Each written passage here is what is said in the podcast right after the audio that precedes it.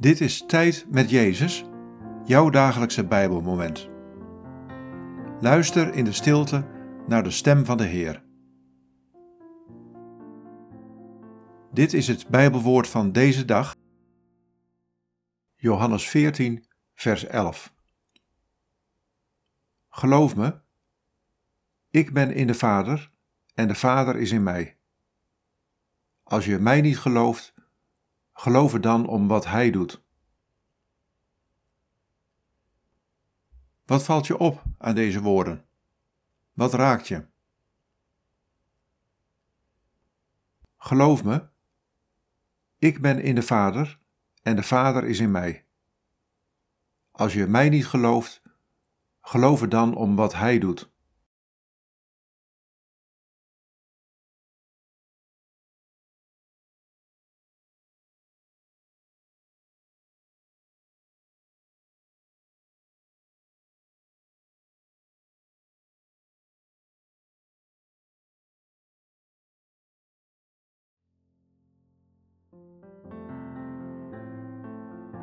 Mijn vader en ik, wij zijn één.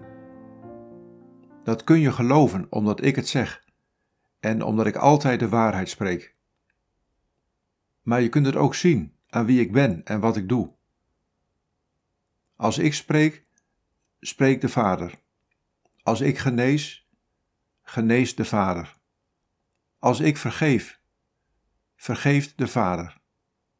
Als ik wonderen doe, doet mijn Vader wonderen. Ken mij, dan ken je de Vader.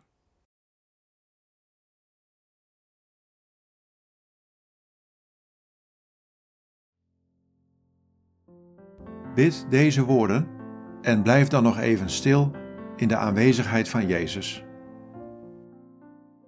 Jezus, leer mij om in U steeds meer de Vader te zien.